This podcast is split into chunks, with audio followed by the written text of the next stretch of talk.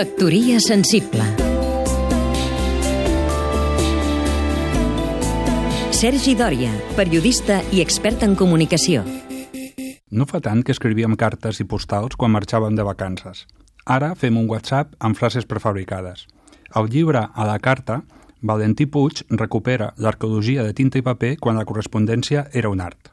Moltes cartes no s'havien escrit per fer-se públiques, mentre que d'altres pretenien aixecar testimoni d'una època.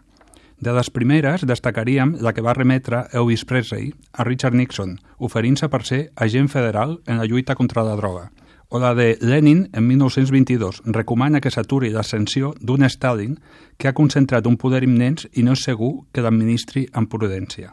Diu això, és massa mal educat i aquest defecte, tot i ser suportable en el tracte entre nosaltres, els comunistes, resulta intolerable en un secretari general.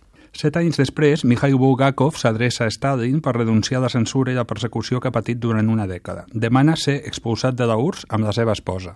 També trobem cartes d'amor. Emilia Pardo Bazán puja als graus amb Pérez Galdós. Moquiño, mi bien, me estás volviendo tarumba con tus cartitas. George Sand pregunta al seu amant italià si l'estima o la desitja. Napoleó promet a Josefina que quan torni la cobrirà de petons sota l'Equador, tot un mestre de la geografia. En el present digital, conclou Valentí Puig, cada cop és més remota la possibilitat de trobar un feix de cartes al racó d'un secreter, tot i que no descarta que algun dia llegim l'epistolari adult de la generació Twitter. Factoria sensible Seguim-nos també a catradio.cat